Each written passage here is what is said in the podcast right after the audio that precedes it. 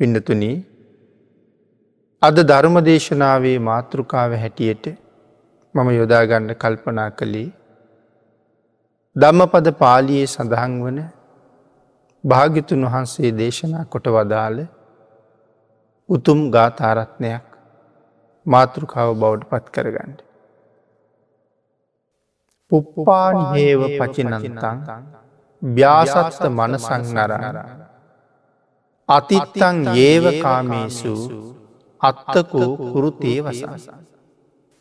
අපේ භාග්‍යතුන් වහන්සේ සැවැත්නුවර ජේතවනාරාමය වැඩඉන්න කාලි මේ ගාථාරත්නය දේශනා කොට වදාලි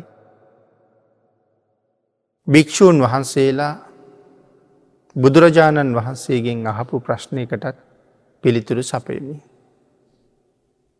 මේ ගාථාරත්නය සරල තේරුම පිළිබඳව අපිටිකක් කල්පනා කරල බැලුවොත් පුප්පාන් හේව පචිනන්තන් ව්‍යාශක්ෂ මනසං නල. මහනෙන මෙ මිනිසුන්ගේ හිත බොහෝම තදින් පංචකාම සම්පත්වල ඇලෙනවා. බොහෝම තදින් ඇලුණු සිත් ඇති පුද්ගලයා සෑහීමක් නොලබාම මරණයට පත්වෙනවා. කාමයන් හි සෑහීමකට ඔහු කවදාව පත්වෙන්නේ නැති බව මෙහි සරල තේරුම හැටියට සේපත් කරනවා. භාගිතන් වහස මේ ගාථාරත්නය දේශනා කළේ සුවිශේෂී කාරණාව මුල් කරගෙන. තවතිසා දිව්‍ය ලෝකයේ එක දිව්‍ය පුත්‍රයෙක් ඉන්නවා මාලා භාරී කියලා. මේ මාලාභාරී දිව්‍ය පුත්‍රයා එක දවසක් පරිවාර දිව්‍යාංගනාවන් විශාල පිරිසක් එක්ක මල්ලු යනට ගියපු වෙලාවේ විශාල දිව්‍යාංගනාවන් ප්‍රමාණය මල් නෙලලා තවත් එවන්ම දිව්‍යාංගනාවන් ප්‍රමාණයකට ඒ මල් දෙනවා. ඔවුන් නෙලල දෙන මල් අරගෙන අනික් දිව්‍යාංගනාව තමන්ගේ ස්වාමි පුරුෂයාව මලින් සරසනවා. මෙහෙම මල් නෙලන දිව්‍යාංගනාවන් අතර එක දෙවගනක් හදිසියම දෙවියන් අතරින් චුත වුණා. ඇය සැවැත්නුවර එක කුළගෙදරක කාන්තාවකගේ කුසේ පිළිසිඳ ගත්තා. නිසි කල් කුසේ ගත කරලා මනුලවට එළඹුනාට පස්සේ. ජාතිස් මරණ ඥානයකුත් ලැබුණා. එයින් ඇය දැනගත්තා තමන් කලින් කොහෙද හිටිය කියලා. මාලා භාරී දිවිය පුත්‍රයාගේ බිරිඳ හැටියට හිටපු බව දැනගත්තා. එතන ඉඳලා ඇය යමක්කමක් තේරෙන වයස ඉඳලා හැම පින්කමක්ම කර කර ප්‍රාර්ථනා කළේ මගේ ස්වාමයා ළඟටම යන්ඩ ලැබේවා. අවුරුදු දාසයක් විතර වයසට එනකොට ඇගේ මව්පියෝ ඇය විවාහ කෙරෙව්වා. මේ කාලෙත් පින්කං සඳහා යොමු වෙච්ච හිත අල්ප මාත්‍රයකින්වත් වෙනස් කරගත්ති නෑ. විවාහ ජීවිතින් පස්සෙත් බොහෝම පින්කං කළා. නිරන්තරයෙන් භික්‍ෂූන් වහසලට දන් දුන්නා. සලාකබත් නිතර නිතර දුන්නා. වස්කාලෙට වස් වැසි බත වස් වසල ඉන්න භික්‍ෂූන් වහන්සේලාට දම් පූජා කළා. ඒ කාලෙට දානශාලාවල් පිරිසිදු කරලා අසුන් පනවලා පැං පෙරල තියලා මේ හැම වතක්ම මෙ තරුණ කාන්තාව ඉතාමත්ම උනන්දුවෙන් කරනවා. භික්‍ෂූන් වහන්සේලටත් දානශාලාවට වැඩියහම හරි පහසුයි. ඇයි මනාව අසුන් පනවලා තියෙනවා. සුදුසු පරිදි ඇල් පැන් උුණු පැන් සියල්ල සපයලා තියල තියෙනවා. අසුන් ශාලාව පිරිසිදු කරලා තියෙනවා. දානි සකස් කරලා තියෙන භාජන ඒ හැම එකක්ම මනා පිළිවලට තියල තියෙනවා. දම් බෙදා ගැනීමේ කටයුත්තත් හරිම පහසුයි. ඉතින් ඒ නිසා සංඝයාගේ මේ තරුණිය පිළිබඳව විශේෂ කරුණාවක් තිබුණා. දම්පැන් අරගනාපු බොහෝ අය තමන් අරගනාපු දානවස්තු ඇයටම දුන්න දුවී මේ ටිකත් මනාව සකසලා පූජ කරන්න කියලා. ඒ හැම දාම පින්කං කරලා ඉවර වෙලා ඇය සංඝයාට ඇහෙන්ඩම ප්‍රාර්ථනා කරනවා මං මේ කරගත්ත හැම පිනක්ම මගේ ස්වාමියාළඟ ඉපදීම සඳහාම හේතුවේවා කියලා. හැම දාම කරන මේ ප්‍රාර්ථනාව නිසා ඇයට නමක් ලැබුණ පති පූජිකා කියලා. තමන්ගේ ස්වාමයා පුදන්නේ කෙන අර්ථයක් තියෙන නමක් ලැබුණ. මේ කාලේ අයට දරුවෙක් පිළිසිඳ ගත්තා. ඒ දරුවා බිහිවෙලා නැගිටලා ඇවිදින කාලෙ වෙනකොට තවත් දරු ගැබක් පිළිසිඳ ගත්තා. ඒ දරුවත් නැගිටිලා ඇවිදින කාලෙ වෙනකොට තවත් දරු ගැබක් පිළිසිඳ ගත්තා. මේ විදිහට ඇය දරු හතර දෙනෙකුගේ අම්ම කෙනෙක් වුණා. එක දවසක් දානශාලාවේ වත් පිළිවෙත් කරලා සංඝයට දන්දීල හවස බනාහල් ඇ රාත්‍රී අසනීප වුණා. ඒ අසනීප තත්ත්වය උත්සන්න වෙලා එදා රාත්‍රියම මරණයට පත් වුණා. මරණයට පත් වෙලා තමන් ප්‍රාර්ථනා කරපු විදිහට මාලාබාරී දිවිය පුත්‍රය ළඟම නින්දෙන් ඇහැරුණාවාගේ ආයිත් ඉපදුනා. භික්‍ෂූන් වහසල පහුවදා දානශාලාවට වඩිනකොට දානශාලාවේ එදා තිබිච්ච පිළිවල මොකොවත් නෑ. දානශාලාව සකසලත් නෑ. ඇමදලා අසුන් පනවලා පැම් පෙරලා එ හැම දේකම අඩුපාඩු තිබ්බා. එනිසා ඇහු අද පති පූජිකාව නැතුව වද්ද කියලා. එතට අර මිනිස්සු සඳහන් කළා ස්වාමීණි මොනවාහනවාද. ඊයේ දානශාලාවේ වත ඉවර කරලා හවස බනත් අහලා රාත්‍රයේ ඇතිවුණ අසනීපයක් නිසා ඇ මරණයට පත් වනා. ඒම සඳහන් කරහම තාම මාර්ගඵල ලබල නැති භික්‍ෂූන් වහසලා ගැස්වල කඳුළු එකතුනා කියල සඳහන් කරනවා. ඒ තරම්ම ශ්‍රද්ධාවෙන් සංඝයට උපස්ථාන කරපු නිසා. රහතන් වහන්සේලා සංවේග ඉපදෙව්ව කෙල සඳහන් කරනවා. මේ භික්‍ෂූන් වහන්සේලා එදා හවස බුදුරජාණන් වහන්සේට මේ කාරණාව මතක් කළා. මතක් කර ලැහුවා ස්වාමීනි ඇය හැම දාම මේ වත් පිළිවෙත් කරලා දන්දීල බනාහල කරපු එකම ප්‍රාර්ථනාව තමයි තමන්ගේ ස්වාමියාළඟ ඉප දෙන්න ලැබෙන්ඩ කියලා. ස්වාමීනි ඇගේ ප්‍රාර්ථනාව ඒ විදිහටම මුදුම් පත් වනාද භාගිතුන් වහස දේශනා කළා ඒ ප්‍රාර්ථනාව එසේම මුදුම් පත් කරගත්තා. නමුත් ඇය ස්වාමියයාගාව ඉපදිච්ච බවක් නෑනි ස්වාමීණී. ඒ වෙලා සඳහන් කළා මහනෙන ඇය ප්‍රාර්ථනා කළේ මේ මනුස්සලෝක හිටපු ස්වාමියයා ලැබෙන්ඩ කියල නෙමෙයි. ඇය මනුස්සලෝකෙට ආවේ යම් කෙනෙක් ළඟඉඳලද ඔහු ළඟට මාපහු යන්න ඕන කියලයි ප්‍රාර්ථනා කළේ. ස්වාමීණි ඒ කවුද කවුරු ළඟ ඉඳල දාවී. තවතිසාාවේ මාලාභාරී දිවියපුත්‍රයාගේ බිරිඳක් හැටියට තමයි ඇය හිටියේ. ඔවුන් සමඟ උයනේ මල් නෙළමින් ඉන්න අතරතුර තමයි ඇයි චුතවෙලා මේ සැවැත්නුවර කුළගෙදර කාන්තාවගේ කුසේ පිළිසිඳ ගත්තේ. ජාතිස්මරණ ඥානයෙන් තමන් හිටිය කොහෙද කියලා දැනගත්ත ඇය නැවත ප්‍රාර්ථනා කළේ මෙහියන්ට. ඒ ප්‍රාර්ථනාවට අනුව ඇය නැවතත් එහෙම ඉපදුනා. ඉන්නතුන දෙවියලෝකෙ දෙවිවරු ආයු කෙලවර වෙලා චුත වෙනකොට. පංචපුබ්බ නිමිත්තාදී සූත්‍රවල සඳහන් කරනවා. සමහර දෙවියෝ තමන්ගේ ආවිෂ ඉවර වෙලා කියන බව දන්නවත් නෑ. නමුත් දැනගන්න නිමිති පහළ වෙලයි තියෙන. ඒ වුණට සැපසම්පත් වැඩි නිසා තමන් චුතවෙන්ඩ ළඟයි කියන කාරණාව තේරෙන්නේ නෑ. ඒක ඉතින් දෙවියන්ට කොහොමද කියන කාරණාව කතා කරන්න අවශ්‍යනෑ මිනිස්සු වෙච් අපිට තේරෙනෙත් නැතිකොට. ආයුෂයෙන් පිරිහිලා බව අපිට කියාපාන සාධක කොච්චර අපි අතර තියෙනවාද. අරගනාපු ආයුෂයේ පිරිහුණා වුණාට අපේ කෙලෙස් සිත් වැඩුන මිසක් එහි පාලනය වීමක් තිබුණේ නෑ.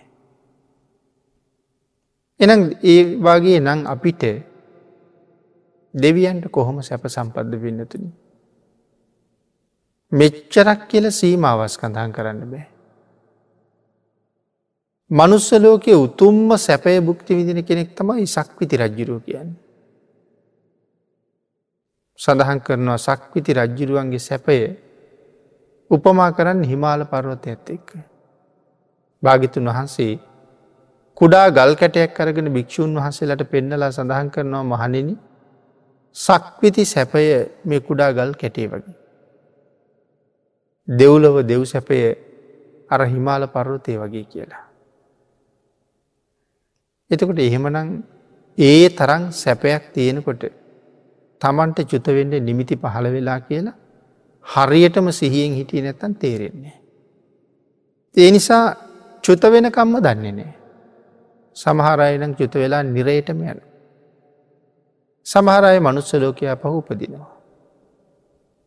දෙවියන්ට චුතවීමේ නිමිති පහළ වනහම සමහර දෙවියෝනං හරීම සතුටුයි. එකැනි මරණයට පත්වෙන් නිසා සතුටුද. මරණයට පත්වෙන නිසා නෙමෙයි මේ සතුට. මැරුණට පස්සේ ඊට වඩා හොඳ තැනක උපදින බව දන්නවා. ඇයි දෙවියෙක් හැටියට කරගත්ත කුසල් ගොඩක් තියෙනවා. දෙව්ලොවට යන්ඩ මනුලවදි කරගත්ත මහා පින්කං වලින් බොහොම ටිකයි ඒ දිව්‍ය මේ ජීවිතයේදී වියදං වෙලා තියන්නේ. තව හුඟක් පින් තියෙනවා. ඒ නිසා දෙවියෙක් හැටියට කරගත්ත කුසලයයි. මනුලව කරගෙන ඉතුරුණ කුසලයයි දෙකම එකතු වෙලා මීට වඩා උසස් දිව්‍ය තලයක උප්පදවන්න පුළුවන්කම තියෙනවා. ආං ඒ නිසා බොහෝම සතුටින් තමයි ඉන්නේ චුතවීමේ නිමිති පහළ වුණා.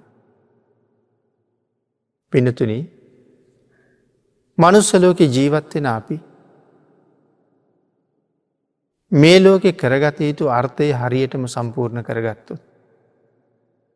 අපි මෙහාට ආවෙ මොකටද අපි විසින් කළ යුත්තය මොකක්ද. මොකද දැන් අපි සඳහන් කලානේ සමහර දෙවියෝ චුතවෙන්ඩ ලෑස්ති වෙනකොට අඩනවා. සමහරය සතුටු වෙනවා. සමහරය චුත වෙන බව දන්නෙම නැතුව චුත වෙලා යනවා. ඕක මැද්ද ඉන්න පිරිස තමයි අඩන්න. නිමිති පහළ වෙලා බව දැනගෙන අඩනවා. එතකොට තාම නිමිති පහළ වෙලා නැති අන්‍ය දෙවියෝ ඇවිල්ලා අර හඬමින් ඉන්න දෙවියන්ව සනසනවා. පින්වත අඩන්ඩ එපා පිනතින ඇඩුව කියලා මරණයෙන් බේරෙන්ට බෑන. මරණයෙන් බේරෙන්ට පුළුවන්නම් අඩන්ඩ පුළුවන්. ඇඩුව හම බේරෙනවන ති අඩට තිබ්බා. නමුත් ඇඩුව කියලා මරණයෙන් බේරෙන්ට විදිහැක් නෑන. ආං ඒ නිසා සඳහන් කරනවා පින්වත අඩන් එපා. ඔබ මෙහෙන් චුත වෙලා සුගතියට යන්ඩ. ඒ සුගතියට යන්න කියලා ගැන මනුස්සලෝකට යන්න කියලා. දෙවිය සුගතියට එනවා කියලා මෙහේනවා. මනුස්සලෝකට යන්න. ඒ මනුස්සලෝක හොයාගණ්ඩ තියෙන හොඳමදේ හොයන්න කියල කියන්නේ. වටිනාමදේ හොයාගන්න කියලා. ඒ තමයි එහෙම් මෙහෙන් කලවන් වෙච්චි නැති. භාගිතුන් වහසගේ ශ්‍රේමුකහෙෙන්ම දේශනා කළ පිරිසිදු නිර්මල ධර්මරත්නය හොයාගන්න කෙළකේ. ඊළඟට සඳහන් කරනවා ඒ තුළ මනාව පිහිටන්ඩ. ඒ ධර්මය හොයාගෙන ධර්මයෙන් යමක්ද භාගිතුන් වහස දේශනා කළේ ඒ විදිහට ජීවිතය හදාගන්න. ශ්‍රද්ධාව ඇති කරගන්න. එහෙම කටයුතු කරලා ආයත් අපි ගාවට මෙන්ඩ කියල කියන්න. එතකොට මෙහිට දෙවිය සුගතියට එනවා කියලා එනවා. භාග්‍යතුන් වහන්සේගේ ධර්මයම හොයාගෙන බනාහනෝ ශ්‍රද්ධාව ඇති කරගන්න පින්කං කරගෙන ආපහු දෙවියන් අතරටම යන. එතකොට පින්නතින අපිත් එහෙම ආපු අය අපි අතර කොච්චර ඇද්ද. එතකොට අපි ආවේ මොකටද කියන කාරණාව මං මුලින් සඳහන් කළ ඒකයි. නිර්මල ධර්ම පර්යාප්තියට අනුව ජීවිතය ගොඩ නගල බොහෝ කුසල් දහම් රැස් කරගෙන සිල්ගුණ ආරක්ෂා කරල නැවත ආපු අපතැන්ගොලට යන්ඩ තමයි අපි ඇවිල්ල තියෙන්නේ. එක තමයි අපේ කාර්ය. නමුත් ඒ කාර්යයේ යෙදෙන අය කොච්චරනං අඩුද සමාජයේ දිහා බලහම සුගතියට යන්න වැඩ කරනවට වඩා දුගතිගාමී වෙන්ඩ උත්සාහ කරන අය තමයි අපි දකි. ඒකට හේතුව ඒකට හේතුව තමයි පිඩතුනේ පළවෙනි කාරණාව අපි ආවෙ කොහින්දලද මොකටද කියන එක දන්නතිකම. නොදැනගණ්ඩ හේතුව තමයි මැරිලා ඉපදිච්ච නිසා. මැරිලා ඉපදිච්ච නිසා මතකනේ. ඒ කාරණාව මතක් කරලා දෙන්නනම් සත්පුරුෂයෝනෑ. විශේෂයෙන් ධර්මයෙන් අපිට කරුණු කියනවා. දැනුත් අපි මේ දැනගන්නේ ධර්මයන්නේ. කොහෙඉඳල දාව මොකට දාවි කියලා. ආං ඒ නිසා ඒගොල්ලු පින්කං කරලා ආපහු සුගතියම ගිහිල්ල උපදිනවා. එන අපිත් උත්සාහ කරන්න ඕන අපි එන්ඩ ඇත්තෙ මොකක් කරන්නද අපි එන්ඩ ඇත්තෙ කොහෙඉඳලද මේ කරන්නේ ආපු කාර්යද කියන කාරණාව අපි හැමෝම හිතන්ඩුව. අර දිව්‍යාංගනාව දිව්‍යපුත්‍රය ළඟ නැවත උප්පත්තිය ලබහම මේ දිව්‍යපුත්‍රය කියනවා දෙව්දුවනීනි සෑහෙන වෙලාවක් මං ඔබ දැක්කෙනෑ කොහෙද ගිය කියලා. ඇයි සඳහන් කරනවා ස්වාමීනී මන් දෙව්ලවින් චුත වෙලා මනුලව ගිහිල්ල ඉපදුනා කියලා. කොහෙද ඉපදුනේ සැවැත් නුවර කුල ගෙදරක ඉපදුනා. ඒ කාලේ විවාහ වනාද කෙලෙහුවා. එහෙමයි ස්වාමීන්. කොච්චර කල්හි හිටියද. ඇය සඳහන් කරනවා මවකුසේ සිටිය යුතු කාලේ මවකුසේ හිටිය. ඉපදුනාට පස්සේ අවුරුදු දාසයක් ආයුෂ ගෙවුනට පස්සේ මව්පියෝ මාව විවාහ කෙරෙව්වා. මං ඒ කාලෙ බොහෝ පින්කං කර කර ඔබෝහන්සේම ප්‍රාර්ථනා කළා. විවාහයෙන් පස්සේ මට දරු හතර දෙනෙක් ලැබුණ. මන් දරු හතර දෙනෙකුගේ අම්ම කෙනෙ. එක දවසක් සංග උපස්ථාන කරලා හැන්දෑවේ බණහලා රාත්‍රී අසනීප වෙලා මං හදිසිී මැරුණා. මැරිච්ච ගමන්ම මගේ ප්‍රාර්ථනාව මුදුම් පත් කරෝමින් මං ආයිත් මගේ ස්වාමි අළඟ ඉපදුනා. ඔබ වහන්සනකටාව කියල සඳහන් කළා. එවෙලාවි දිවිපුත්‍රය අහනවා දෙව්දුවනීනි ඒ කියන්නේ මනුස්සලෝක ආවුෂය ඒ තරම්ම කෙටීද කියලා. දැන් ඇය මැරිලා උපදිනකොට මේ දෙවිය කොහෙද ඉන්නේ. අර දිව්‍යාංගනාව තාමත් මල් නෙලනවා. අනි දිව්‍යාංගනාව තාමත් ස්වාම්පුරුෂාව සරසනවා. එතවට එහෙං චුත වෙලා මෙහයාපු කෙනා දරු හතර දෙනෙකුගේ අම්ම කෙනෙකුත් වෙලා මැරිල ගිහිල්ල එහි උපදිනකොට තාමත් ඒගොල්ලු අර එදා කර කර හිට වැඩීමයි කරන්න. එකට හේතු මේ තෞතිසාාවෙන මේ මාලා භාරි දිවිය පුත්‍රය ඉන්නේ. පින්නතින තෞතිසාාවේ එක දවසකට අපේ අවුරුදු සීයක් ඕනේ. ඉතින් එතකොට අවුරුදු සීයක් ජීවත් නොවී මැරිල යනවා කියන්නේ තෞතිසාාවේ දවසක් ගෙවිල නෑනේ. ඒගොල්ල ඒ පරණ වැඩීම තමයි තාම යෙදිලෙන්නේ. එනිසා අහනවා දෙව්දුවනයන්නේ මනුස්සලෝක එච්චර අවශ්‍ය නැද්ද. අනේ නෑ ස්වාමීණි සීයකටත් අඩුයි. දිවපුත්‍රය අහනවා මනුස්සලෝක මිනිස්සු බොහෝම යුහුසුලුව පින්කං කරනව ඇති නේද. අවශ්‍ය එච්චර කෙටි නිසා. ඇය කියනවා අනේ ස්වාමීණි මොනවාහනවද. ඒ මිනිස්සුන්ගේ කල්පනාව හරියට ඒ මිනිස්සුන්ට අසංකෙයට ආවිෂ තියෙන වගේ. මැරෙනව කියල කල්පනාවක්වත් නෑ. ඒ මිනිස්සුන්ගේ හිතේ ඒ මිනිස්සු අමරණීයයි කියලා. මැරෙන්නෑ කියල කල්පනාව. ආවිෂ ඉවර වෙන්නේ නෑ කියල කල්පනාව. එහෙමයි වැඩ කරන්නේ කට්ටිය. කියන කාරණා දක්වලා ඇයි සඳහන් කරනවා ස්වාමීණී ඒ මිනිස්සු හරියට ප්‍රාණඝාත කරනවා. හරියට හොරකං කරනවා. වැරදි කාමසේවනය හරියට කරනවා. බොරු කියල මිනිස්සු රවට්ටනව හරියට රාරක්කු බිබී කාලි නාස්ති කරනවා ස්වාමීණි හරියට. පස් පවුම කරගන්නවා. දස අකුසල්ම කරගන්න. කුසලයෙන් පෝෂණය වෙනවට වඩා ඔවුන් අකුසලේම ජීවිතය පුරුවනවා. ස්වාමීණී දේපොල වෙනුවේ ඔවුන් හරියට ඇන කොටා ගන්නවා. ගහමරා ගන්නවා. ඇයි සඳහන් කරනවා ස්වාමීණී ශස්ත්‍රියෝ ශස්ත්‍රියය එක වාද කරනවා සටන් කරනවා. බ්‍රාහ්මණයෝ බ්‍රාහ්මණයොත් එක්ක වාද කරගන්න. වෛශ්‍යයෝ වෛශ්‍යයොත් එක්ක ශුද්‍රයෝ ශුද්‍රයොත් එක් මේ ඇන කොටා ගන්නවා ගහමරා ගන්නවා. රජවරු රජවරුත් එක්කද. සිටුවරු සිටුවරු එක්කද. මැති ඇමතිවරුද මේ වාද කරගන්නවා ගහමරා ගන්නවා. ස්වාමීනී අම්ම පුතත් එක්ක රණ්ඩු වෙනවා.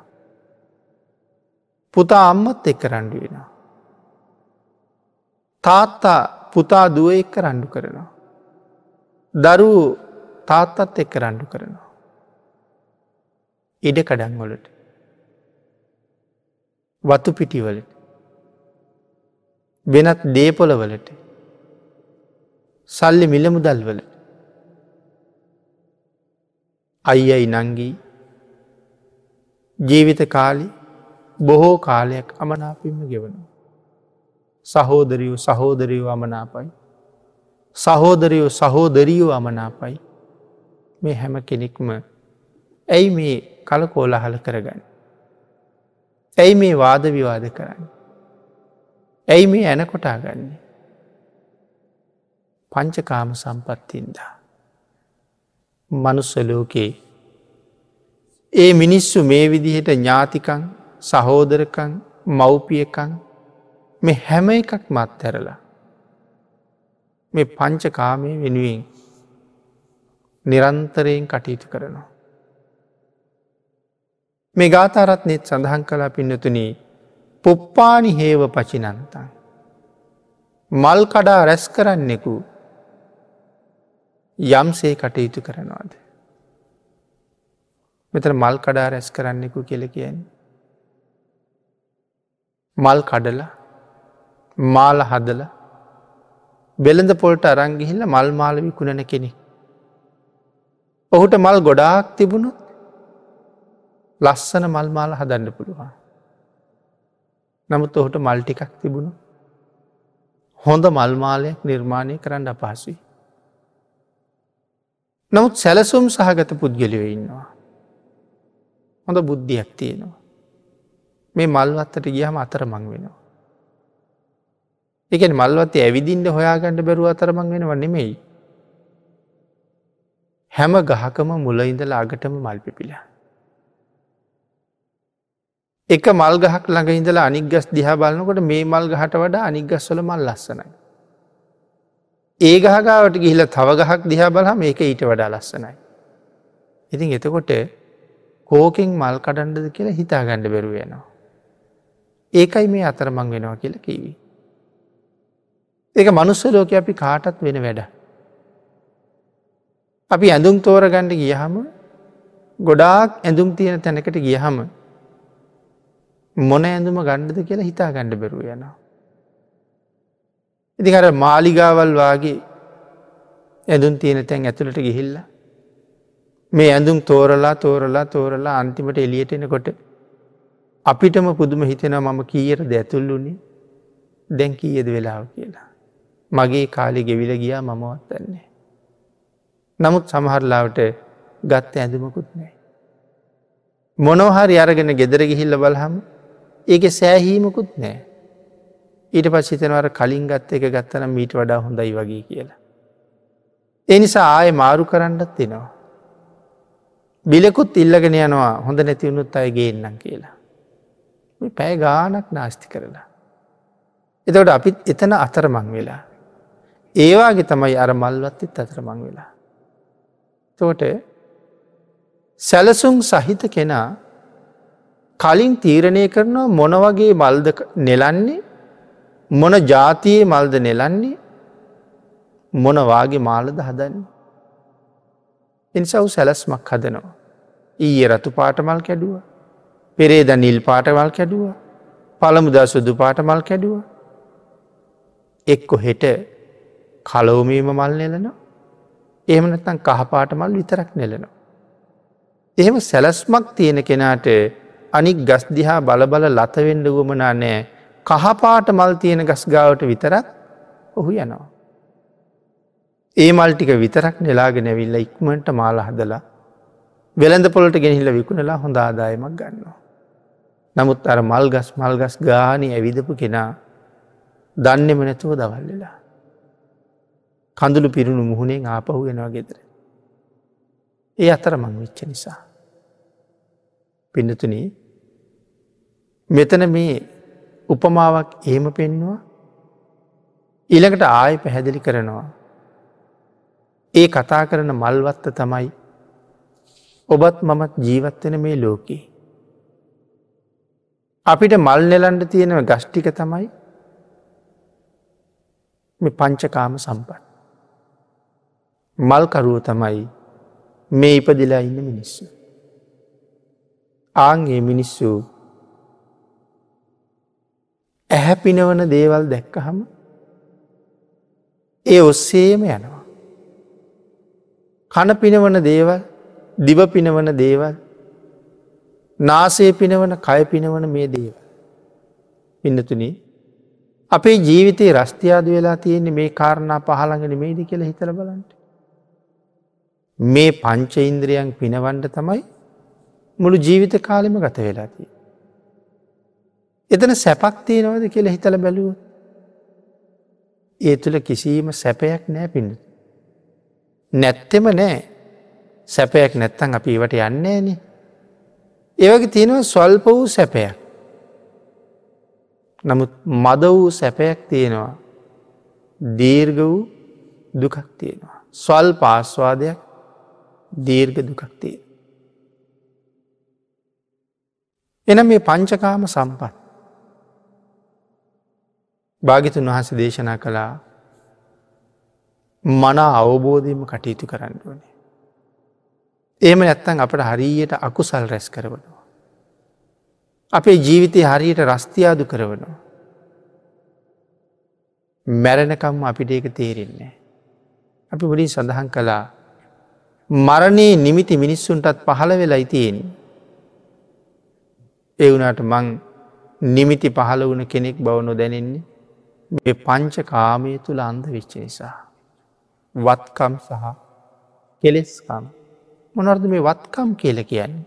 වස්තුකාම ඇස කන්න නාසය දිව ශරීරයේ.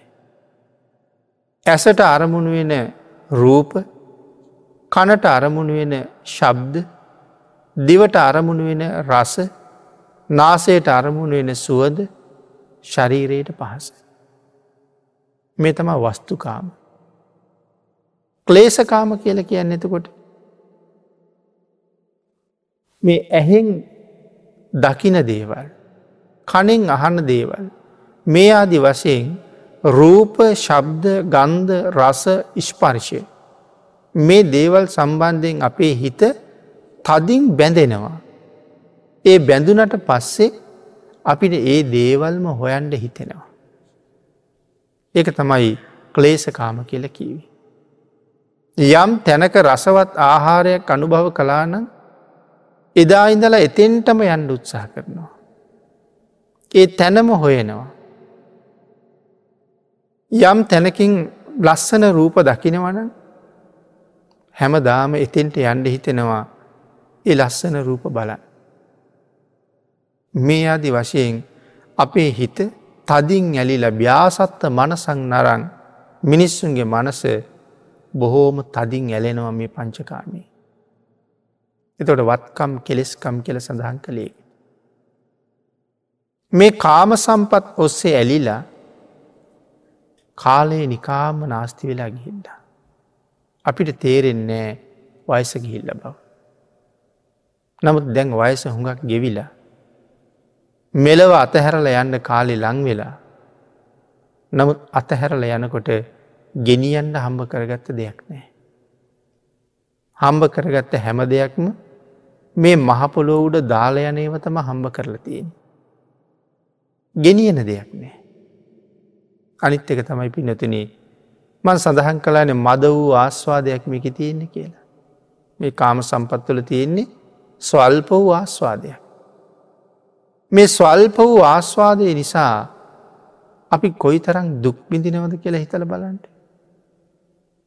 යම් කෙනෙකුගේ ජීවිතයකට අලුතෙන් යමක් එකතු වෙනවා කියලා කියන්නේ හැම වෙලාම කරදරය. අපට හිතෙන්නේ සැපතක් කියලා. ඉතාම කෙටි මනුස්ස ජීවිතය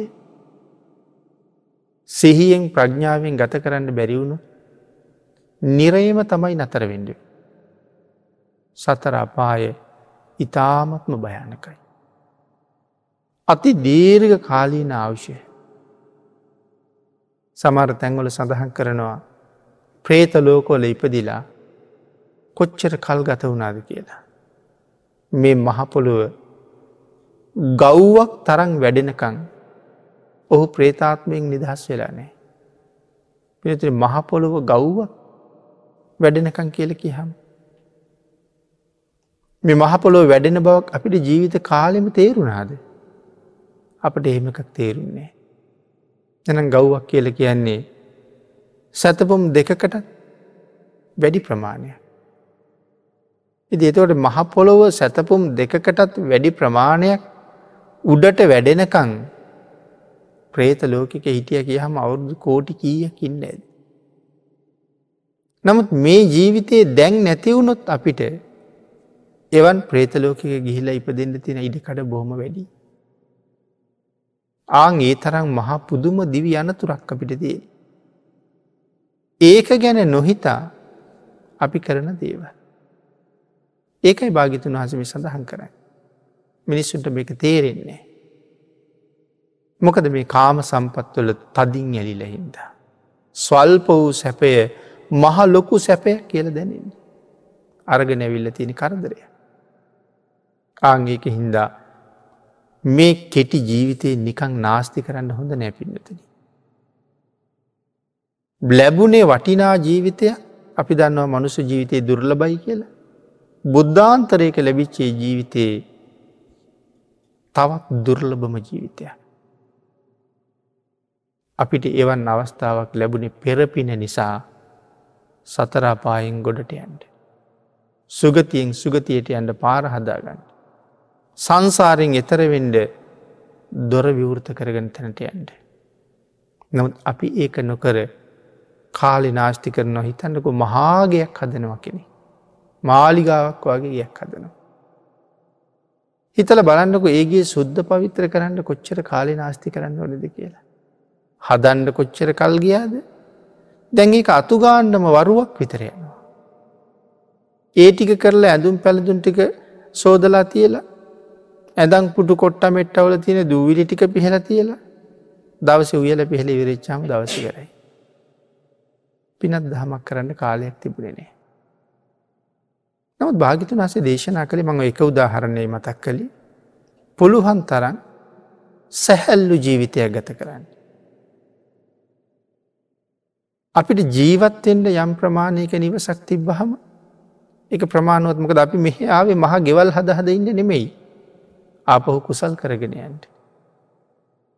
එහෙම කල්පනා කර ගත්ත හම හැම එකක්ම මනාව සැලසුම් කරගත්තහම ජීවිතය හරි අපූරුවට සම්පූර්ණ කරගන්න පුළුවන්. එතකොට මෙලවත් සම්පූර්ණයි පරලෝට අවශ්‍යදීත් සම්පූර්ණයි. ආපු තැනට ආපහු යන්ඩ බොහෝ දේවල් කරගන්න පුළුවන්. වස්තුව රැස්වෙන්ඩ රැස්වෙන්ඩ ඒත් එක රැස්වෙන්නේ ස්වල්ප වූ ආස්වාදයක් මහත් දුක. හිතන්නක පින්නතුන අපි වාහනයක් ගෙනාව කියලා. ජීවිතයේ මෙතෙක් නොතිබිච්ච කරදර ගොඩක් නෙමේද ගෙදරට ගෙනල්ලතිය. පෙරුම් පුරල්ල පෙරුම් පුරල්ල මුදල් එකතු කරල භාගයක් ගෙවල තව ආයතනයකට කොටසක් නාය වෙලා ජීවිතයට ලොකු වගකීමකුත් අරගෙන ඇයි මාසින් මාසිටික ගෙව්ව නැත්තන් ඉලකට වාහනය ගෙනන. එතකොට ගෙනත් තියෙන කරදර ගොඩ දැන් ඒක දාන්න ගයක් වෙනම හදන්ඩ ඕනේ. වෙනද රෑට බල්ලික් බිරුව අපි හරි නිදහසේ නිදාගත්තා. තැන් එහෙම බෑදැන් එලියට එන්ඩෝනේ. වාහනී දිහා බලන්ඩ ඕනේ. පොඩි ළමයි සෙල්ලං කරනකොට වෙනද බැලිවිනේ. දැන් වාහනි තිීන් තැන්ට ළම යනකොට බලන්ඩුවනමක දෙගොල්ලු දන්න සූරන්ඩ පුළුවන් ගහන්ඩ පුළුවන්. දර මේක හෝදන්ඩ කාලයක් ඕනේ. පිහින්ඩ කාලයක් ඕනේ. වෙනම හෝදන තැංගොල්ට ගෙහිල්ල දවස් ගනන් රස්තියාදුවෙන්ඩ ඕනේ. මිල මුදල් වියදැන් කරන්න ඕනේ. තැඟර වාහනී නැතිකාලි තිබිච්චි නැති කරදර මා විශාල ප්‍රමාණයක් ගෙදර ඇවිල්ලා. ඒවාගේ ඒවාගේ කල්පනා කරලා බලහම මේ අලුතින් එකතු වන හුඟක් දේවල් සැපක් නෙමේ දුකක් තමයි ගෙනල්ලතින්. නමුත් පංචකා මේ බැඳිල්ල නිසා ඒක දුකයි කියලා තේරුණේ නෑ. මේ කරුණ පැහැදිලි කරන්න ජාතක කතා ගණනාවක් දේශනා කරනවා භාගිතන් වහන්ස. එ එක අපූරු කාරණාවක් තියෙනවා මුදුලක් කන ජාතක කතාව. තාම කිටියෙන් මතක් කරලා අපි ධර්ම දේශනා විවර කරමු. හිමාලීන්න රිෂිවරයෙක් වස්කාලි ගමට එනවා. රජ්ජුරුවන් ගුයනය ඇවිල්ල නතර වෙච්චහම රජ්ජුරු බොහෝම හොඳින් ඇප උපස්ථාන කරන හරිම සිල්වන්. රජ්ජුරුවන්ට එක කාලික යුද්ධකට යන්න සිද්ධ වෙනවා. තමන්ගේ දේවීට කතා කරලා කියනවා තාපසතුමාගේ ඇප උපස්ථාන්ටික ඔබේ අතිම්ම කරන්න ඕන කියලා. ඇය ඒක බොහෝම සතුටින් බාරාරගෙන තමන්ගේ අතින්ම දානය හදල තාපසතුමාට දන් දෙෙනවා. දැසිදස්සු හදන ආහාර දෙන්නේ නෑ. එක දවසක් ඇය දානි හදල නාගන සර්වාභරණයෙන් සැරසිලා මාලිගාව තාපසතුමා බලාපොරොත්තුවෙන් යහනක සැතපිලා හිටිය ආවහම දානි පිළිගන්න. මාලිගාව ඉදිරි පස දොරගොලු අහල තිබුණ නිසා තාපසතුමත් අහසින් මාවි ඇරල්ල තිබුණ ජනෙල් කවුල්ුව ළඟට. ඉතින් තාපසතුමාගේ රලු සිවුර හුළඟට යන සද්ධය හිලා ඇ හදිසියම් නැගිට්ට. නගින්නකොට තාපසතුමා කවුලුව ළඟට වෙල්ලා. හදිසියම නැගිටිනකොට ඇඳගෙන ඉදපු ඇඳුම් ටික ගැලවිල වැට. දුහුල් ඇඳුමක් ඇඳගෙන හිටි. ස්ත්‍රී ශරීර ලක්ෂණ දැක්කා රාගසිතක් ඉපදුනා දේවිය ඉදිරියෙන් දොර කවුලු විවෘත කළ දානෙත් පිළිගැන්වා දානෙටික අරගෙන ගිහිල්ලා තමන්ගේ කුටිය තිබ්බ වැළඳුවේ නෑ එහෙමම යහනට නැගලින් දැගත්ත. දැන් අර දැකපු ස්ත්‍රී ලක්ෂණත් එක්ක තැන් රාග සිත හිතා සම්පූර්ණ ආක්‍රමණය කර. සජ්ජරුත් යුද්ධ ඉවර කරලාවා. දේවියගෙන් ඇහුවා දන් දුන්නද ස්වාමීණී දැන් දින ගණනක් වැඩී නෑ. එන ගිහිම් බලලෙන්න්න කියහම ආරාමි අතුගාලවත් නෑ. හොඳටම වැහැරිලා ගිහිල්ලා. ඇයි දවස් ගානකින් වලඳලානේ. ස්වාමීණී අසනීපද සඳහන් කළ අසනීපයක් තියෙනවා. මොකක්ද. ඔබේ බිසව නිසා තමයි අසනීපය හැදුනේ. එන මං මොකක්ද කරන්න ඕනේ. මට ඇය ඕනේ එල සඳහන් කළා. රජ්ජුරුකිව ඕක එච්චර දෙයක්ද. ඔච්චර කල්පනා කරන්න දෙයක් තියෙන දෝක ගැන. කියල තාපසතුමත් එක් කරගෙන ගිහිල්ල දේවිය සර්වාභරණයෙන් සරසල අලුත් ඇඳුම් අන්දවල තාපසතුමාට පාවදුන්නා. දේවීට සඳහන් කළා ඔබේ ආනුභාවයෙන් මෙ තාපසතුමාගේ සීලයේ කොහොමරි රකිින්ඩුව. ඒ වෙනුවෙන් ඔබ කටයුතු කරන්න කියල කීවා. හා හොඳයි. තැන් ඇයි තාපස්තුමත් එක යනවා. සෑහෙන දුර ගිහිල්ල කියන ස්වාමීන් දැන් අපිට ඉන්න ගයක් නෑනේ. මෙච්චර කල් තාපස්තුමාට ගෙවල් හදන් ප්‍රශ්නයක් තිබුණේ. ගිහින් රජරුවන්ට කියලා ගයක් කිල්ලගන්නට කිව්වා. ආයාව රජරුවන්ට කිය හම සාමාන්‍ය මිනිස්සු පාවිච්චි කරන වැසි කෙලියක් වගේ චූටි ගයක් දුන්න. ගිහිල බලහම එක හරි අපිරිසිදුයි. තේවිය කියන මටනං ඕකට එන්ඩ බෑ. තැම එක අතු ගාණ්ඩුවනෑ හෝ දණ්ඩුවනේ රජ්ජුරුවන්ගෙන් උපකරන ඉල්ලගෙනෙන්ට ඒටිකත් අරගෙනාව. අරගෙන ඇවිල්ල ඒටිකත් දීල ආයගිය හම කියන ස්වාමීණී මට යහනක් ඕනේ. ආයගිය ඇඳක් ගේන්ට මට නාන්ඩ වතුර ගේන්ඩුවනේ ආයගියා වතුර ගේන්ට මේ ආදී දැන් තාපසතුමාට කරදර ගොඩයි. මේ ඔක්කොම කරනවා කරදරයක් කියල හිතන්නේ මොද කාමයෙන් අන්ද වෙලයින්න. අන්තිමට දෙන්න එක යහනට ගොඩ වුණා නිදාගන්ඩ. ආගේ වෙල දේවී අර දිග රැවුලෙන් අල්ලලා රැවුල කපල නෑනි තාපසවරය. ඔබ කෞුද කියලා දන්නවද කියලෙක්වා. ඒල හල ඇදල බිමද. එවලේ තමයි මතක් වුණේ මම සසරින් එතරවෙන්ට බවුම් වඩන තවසෙක් කියලා. ඒ වෙලා ආයම නැගිටලා දේවියත් එක රජ්ජුරු ගවට කියලා මහරජ ඔබේ දේවිය ඔබම තියාගන්ට. නැවත වතාවක් නැතිවුණ දිහානයේ දියුණු කරලා හිමාලයට වැඩල මරණින් පස්සෙ බඹලො ඉපදුනා. නොතිබ්බ කරදර කොච්චර මේ ආසාාව නිසා එකතුනා. අංගි නිසා පංචකාමයේ සෑහීමකට පත්වෙන්නේ කවදාවත්. සඳහන් කළා ආංගේ නිසා මේ කාම සම්පත් වලට වසඟ වුණොත් ඔහු සතරාපායුරුම කරගන්න කෙනෙක් වෙනවා. කරදර ගොඩක උරුමක් කාරයෙක් වෙනවා. නිසා සැහැල්ලු ජීවිතයකින් කුසල් දහම් රැස් කරගෙන ජීවිතය පෝෂණය කරලා සසරින් එතරයන්ට මේ මනුස්ස ජීවිතය හැම කෙනෙකුටම බොහොම වටිනෝ පින්නතන. ඒක තේරුම් අරගත්ත ඥානවන්තයෙක් විතරයි තමන්ගේ ජීවිතයට හොඳ සාධහරණයක් කරගන්න.